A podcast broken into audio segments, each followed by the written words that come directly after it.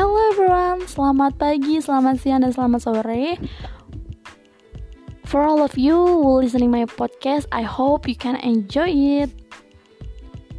Mau cerita? Kalian pernah gak sih seharian ngabisin waktu untuk menyalahkan orang lain?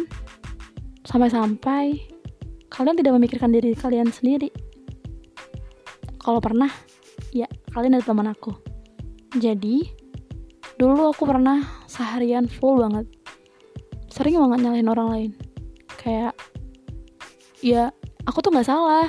Seharusnya dia tuh kayak gini. Coba deh itu jangan kayak gitu. Terus tadi tuh aku udah gini, kayak gini loh. Cuman dianya aja tuh yang buat kesalahan. Hmm.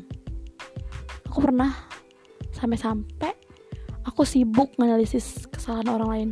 Sedangkan aku nggak nganalisis diri aku sendiri. Ya itu adalah kesalahan buat teman-teman sekarang yang sedang berada di fase seperti itu stop it. It's really was your time. So sebenarnya tindakan menyalahkan hanya akan membuang waktu. That's true.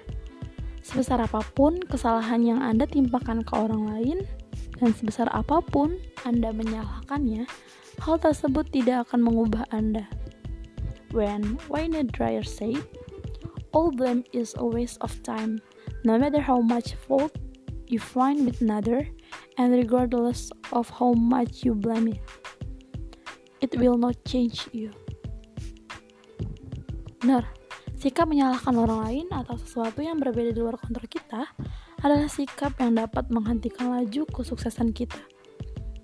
Fokus menerima masalah yang ada, berhenti menyalahkan orang lain karena hal itu akan mengubah diri Anda menjadi pribadi yang lebih baik. Thank you guys.